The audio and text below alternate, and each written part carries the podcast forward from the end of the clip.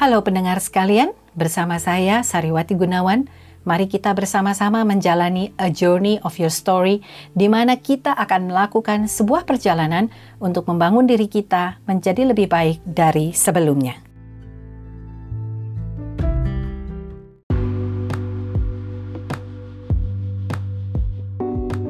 Pada kesempatan ini, saya ingin menyampaikan tentang betapa pentingnya kita mengupgrade diri kita sendiri. Selama beberapa minggu ini, kita sedang membicarakan bagaimana membuat diri kita menjadi lebih baik dari sebelumnya. Maka tentunya hal ini adalah sesuatu yang sangat penting untuk kita lakukan untuk memperbaiki diri kita dari waktu ke waktu. Apa sih pentingnya untuk mengupgrade diri kita? Banyak yang berpikir bahwa ini tidak terlalu penting. Kenapa?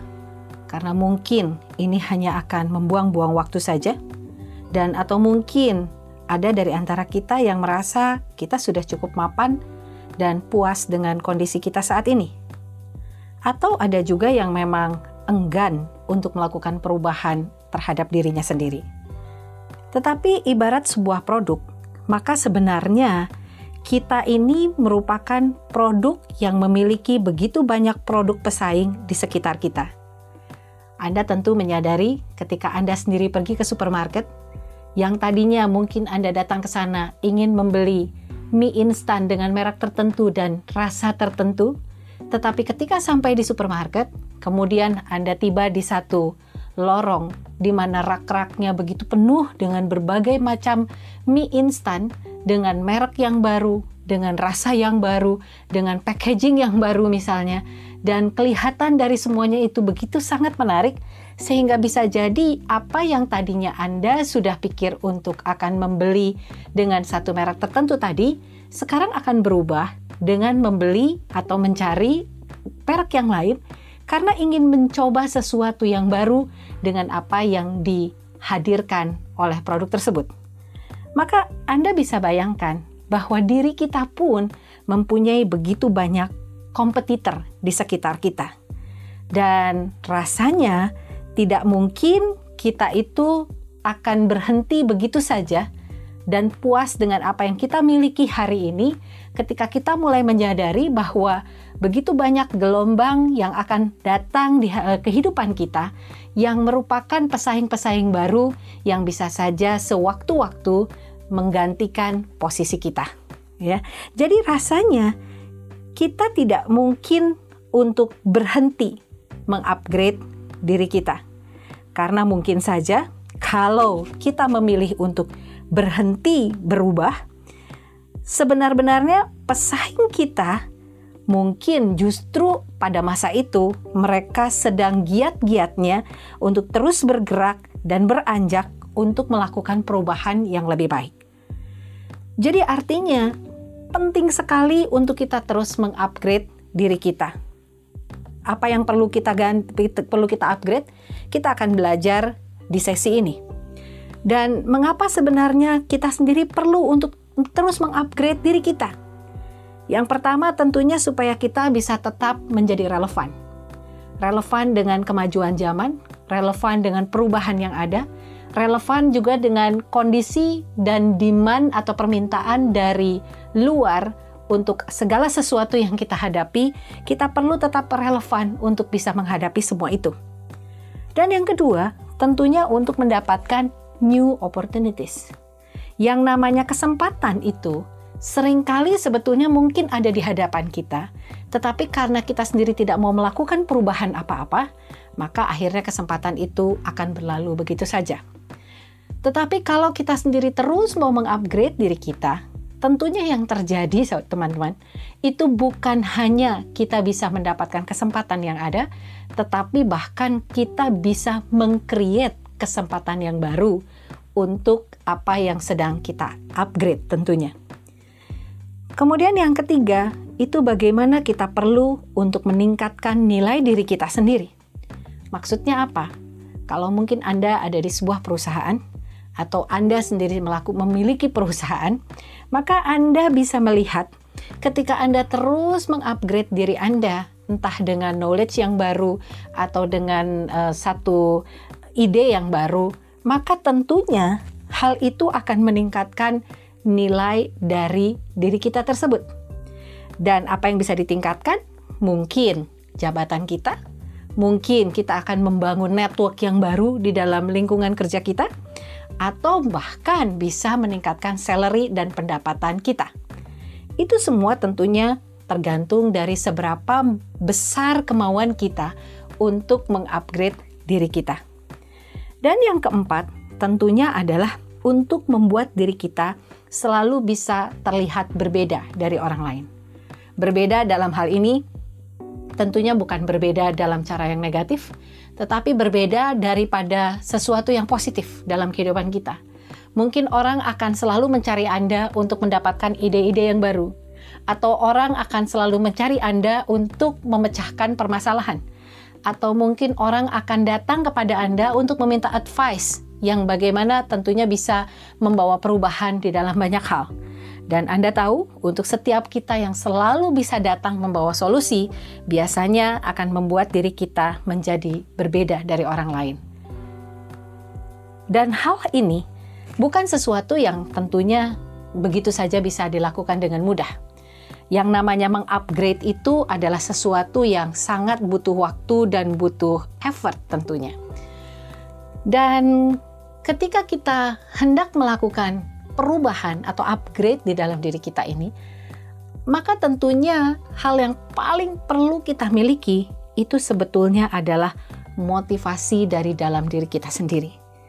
Kenapa perlu motivasi itu? Tadi seperti saya bilang, karena untuk melakukan upgrading ourselves itu memang butuh waktu, butuh tenaga, bahkan juga mungkin perlu keluar uang kadang-kadang dan ada banyak effort, ada banyak usaha yang kita perlu lakukan. Ada banyak energi yang perlu dikeluarkan. Belum lagi kalau misalnya ketika kita melakukan upgrade ini, kita akan mendapatkan banyak haters istilahnya ya uh, di sekitar kita yang bukannya akan memotivasi, tetapi justru ingin menjatuhkan kita untuk kita tidak melakukannya.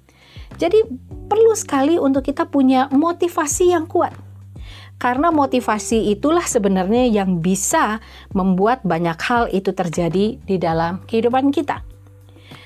Ada nasihat yang berkata, "Where there is will, there is a way." Jadi di mana ada kemauan, baru ada jalan. Jadi penting sekali kita punya kemauan, punya motivasi untuk di dalam diri kita ya yang mau e, mendorong kita pada akhirnya untuk bisa mencapai sesuatu tujuan di dalam kehidupan kita.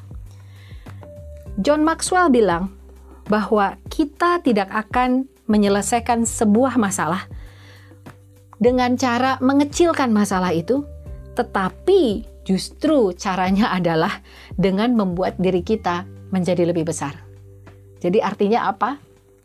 Bahwa di dalam segala sesuatu yang perlu kita lakukan, bukannya kemudian kita mem memandang rendah kepada permasalahan kita atau menganggap segala sesuatu itu kecil di hadapan kita, tetapi bagaimana memperlengkapi diri kita untuk membuat kita menjadi lebih mampu untuk menghadapi sesuatu atau membuat diri kita juga lebih bisa atau juga membuat diri kita lebih besar dari segala yang tentunya kita hadapi. Motivasi dari diri kita sendiri atau dalam bahasa Inggrisnya dikatakan self motivation itu merupakan kekuatan yang bisa mendorong diri kita untuk bisa terus dan terus maju menghadapi segala sesuatu. Dan self motivation ini akan mendorong kita, akan memberikan kekuatan kepada kita untuk melakukan pembelajaran yang terus-menerus dan keberhasilan yang terus-menerus tidak peduli skenario-nya seperti apa. Dalam arti, kita tahu bahwa ketika kita belajar, kita tidak akan selalu mengalami hal-hal yang mulus sifatnya. Saya sendiri mengalami ketika saya mengambil satu kuliah, bukan artinya saya tidak suka dengan kuliah tersebut, tetapi ada tentu saja selalu kita akan menemukan banyak hambatan di dalam menyelesaikannya entah itu masalah waktu, entah masalah kesehatan, atau entah juga masalah memang ada hal-hal yang ternyata mata kuliah itu sulit buat kita pelajari atau dalam pembuatan tugas dan sebagainya. Tetapi dengan adanya self motivation, yang mendorong saya untuk tetap mau melakukan itu meskipun kondisinya tidak selalu baik. Jadi dalam arti in whatever the scenario kita terus berjalan dan terus dan terus dan terus. Itulah yang diperlukan dalam diri kita. Self motivation itu adalah satu alat yang utama untuk bagaimana kita pada akhirnya bisa uh, membuat nyata dari tujuan-tujuan dan dari kemajuan-kemajuan yang kita sedang lakukan. Self motivation ini nggak bisa didorong oleh orang lain, tetapi self motivation ini harus dilakukan dari dalam diri kita sendiri. Dan mungkin Anda mulai bertanya, gimana caranya membangun self motivation itu? Ada banyak cara sebetulnya untuk membangun self motivation. Uh, eh, ini ada beberapa yang saya dapatkan dan juga apa yang saya lakukan di dalam kehidupan saya. Yang pertama itu adalah banyak berkomunikasi dan berbicara dengan orang lain untuk bisa membuat saya juga termotivasi. Tetapi dalam hal ini, saya tentunya tidak akan sembarangan orang saya ajak bicara untuk hal ini karena kalau kita salah mendapatkan orang untuk untuk membicarakan atau mendiskusikan hal ini, bukannya kita kemudian termotivasi, malah mungkin bisa jadi dia adalah orang yang bisa membunuh motivasi saya. Karena itu saya akan mencari orang yang tepat dan orang yang saya cukup percaya untuk saya sampaikan segala keluhan atau segala sesuatu yang sedang saya hadapi. Dan ketika berbicara itu, saya juga menyampaikan ide-ide yang ada di kepala saya.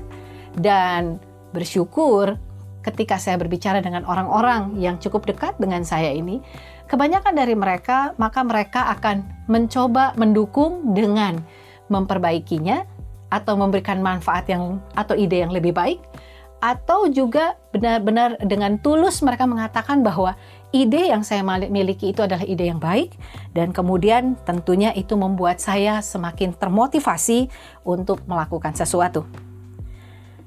Hal yang kedua, tentu saja dengan terus berpikir positif dan optimis. Kenapa harus tetap positif dan optimis? Karena ada banyak hal di dalam kehidupan kita yang ternyata tidak semudah yang kita pikirkan. Saya punya pengalaman, sebetulnya sering kali saya ceritakan pengalaman ini karena itu sangat menempel di kepala saya. Tapi di podcast ini saya belum pernah sampaikan. Jadi saya ingin ceritakan bahwa dulu hmm, kurang lebih 10 atau 15 15 tahun yang lalu mungkin saya pernah kerja di sebuah perusahaan untuk pertama kalinya. Perusahaan tempat saya bekerja sebuah perusahaan yang cukup besar. Dan waktu itu saya mendapatkan posisi sebagai marketing. Tentunya tugas marketing, hal yang pertama itu adalah menelpon kepada calon klien. Jadi hari pertama saya kerja, waktu itu bos saya memberikan saya satu list uh, yang sudah di print cukup banyak nama-nama perusahaan dengan nomor-nomor telepon dengan nama-nama kontak yang bisa saya uh, hubungi untuk mulai memperkenalkan diri dan menawarkan produk yang saya harus jual. Tetapi apa yang terjadi, teman-teman?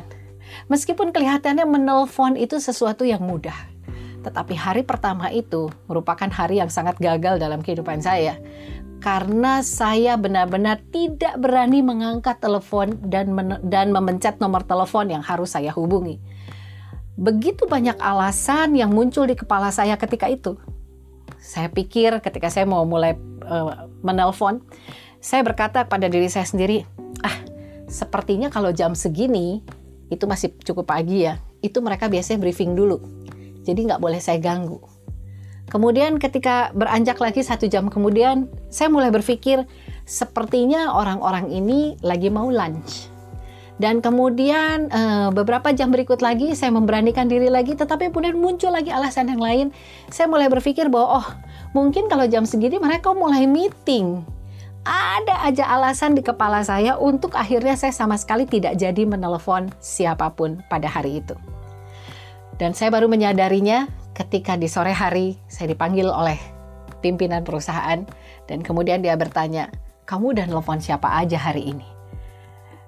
Dan saya benar-benar langsung terdiam. Rasanya muka saya udah kayak merah, kuning, hijau kayaknya. Karena dengan sedih saya bilang sama dia bahwa saya belum menelpon siapa pun. bersyukur bahwa saya punya atasan yang sangat baik dan sangat encouraging untuk saya. Sehingga kemudian dengan wajah tersenyum dia bilang bahwa dia mengerti apa yang saya rasakan. Tetapi kemudian dia bilang bahwa tetap besok kamu harus memulainya. Akhirnya besok pagi dengan berpikiran positif dan optimis, saya mulai menelepon satu demi satu dan ternyata apa yang saya pikirkan kemarin gak ada yang kejadian semuanya. Waktu saya bilang bahwa mungkin dia lagi briefing, mungkin dia lagi makan siang, mungkin dia lagi meeting, itu ternyata nggak ada semuanya. Karena keesokan harinya ketika saya mulai menelpon dan saya mulai mendapatkan janji demi janji untuk bertemu dengan orang-orang itu, saya mulai mendapatkan keberanian yang baru dan saya benar-benar punya harapan untuk berjalan lebih jauh. Dan itulah juga salah satu cara untuk membangun self motivation. Hal yang ketiga, mulailah cari apa yang menjadi area yang e, merupakan interestnya kita. Kenapa kita perlu mencari interestnya kita? Hal yang kita sukai itu apa? Karena biasanya ketika kita e, menemukan hal-hal yang mulai kita sukai, itu tentunya akan lebih mudah membangun motivasi kita untuk melakukannya. Kemudian hal yang berikutnya adalah perlu kita memonitor dan mencatat keberhasilan-keberhasilan itu. Seperti yang tadi saya ceritakan tentang pekerjaan pertama saya belasan tahun yang lalu, bisa dibilang saya mulai mencatat dan mulai memonitor cara saya bekerja. Dan saya bisa bilang bahwa pada akhirnya saya mulai mendapatkan eh, order-order yang kelas kakap namanya. Dan itu merupakan satu hal yang membuat saya makin confident juga untuk melakukan dan menawarkan kepada perusahaan yang lain tentunya. Dan yang berikutnya juga adalah coba lakukan untuk kita mulai membantu orang lain, juga mendukung atau menolong orang lain, dan juga memotivasi yang lain. Kok aneh ya rasanya dari cara kita memotivasi, ternyata kita bisa memotivasi diri kita sendiri juga. Karena banyak kali dalam kehidupan saya, saya menolong teman-teman saya yang mengalami kesulitan atau yang saya lihat mereka memang mulai tersendat di dalam beberapa hal, maka kemudian saya akan mencoba untuk bicara dengan mereka, mencari tahu masalahnya, dan mulai memotivasi mereka untuk melakukan sesuatu yang berbeda. Dan tanpa saya sadar, ketika saya menyampaikan hal tersebut, itu ternyata tanpa uh, ya tanpa saya sadari ternyata hal yang saya ucapkan itu adalah hal-hal yang kemudian menjadi pegangan saya juga untuk memotivasi diri saya sendiri. Jadi artinya teman-teman untuk membangun self motivation itu bukanlah hal yang terlalu sulit sebetulnya. Nah, begitu kita bisa memotivasi diri kita, maka kita akan lebih mudah nantinya untuk mendorong diri kita sendiri untuk mengupgrade diri kita. Karena tema hari ini pada dasarnya tentang upgrading yourself. Maka hal yang perlu kita upgrade dari diri kita itu, itu akan mulai muncul keinginannya ketika ada self motivation yang kuat di dalam diri kita. Apa saja yang sih yang bisa kita upgrade sebetulnya? Yang bisa kita upgrade, saya akan uh, bagi menjadi dua bagian aja. Yang pertama adalah upgrade knowledge kita, dan yang kedua adalah upgrade appearance kita.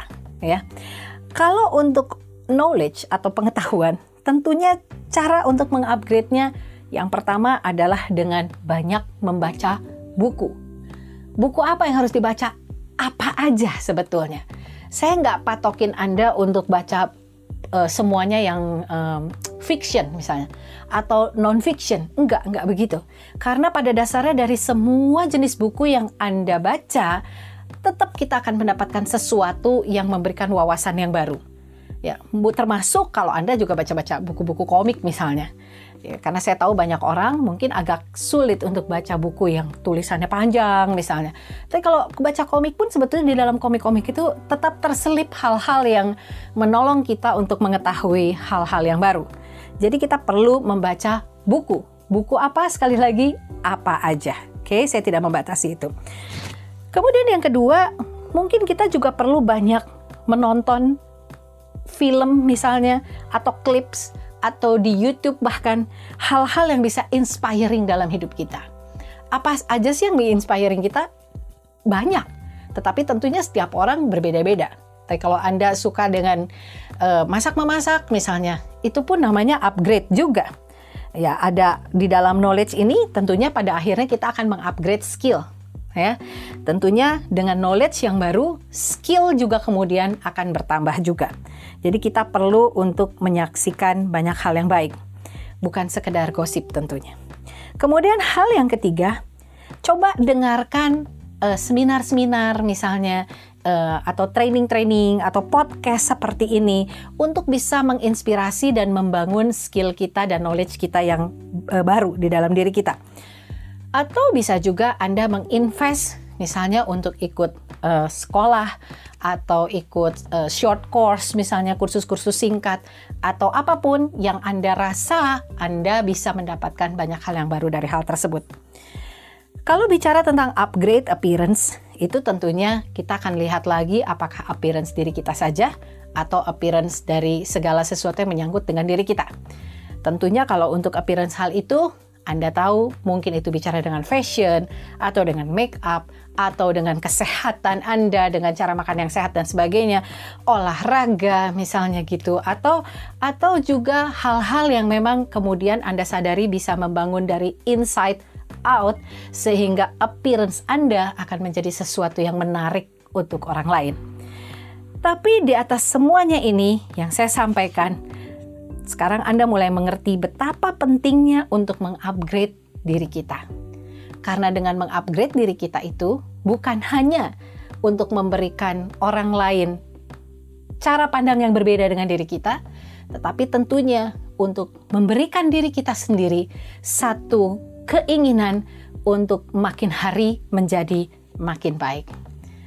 Dan saya berharap apa yang saya sampaikan hari ini tentunya akan menjadi sesuatu yang juga bisa menginspirasi Anda semua dan bisa memulai untuk melihat atau membayangkan apa yang kira-kira bisa Anda mulai upgrade di dalam kehidupan Anda hari-hari ini. Terima kasih sudah mendengarkan podcast saya hari ini. Sampai jumpa minggu depan.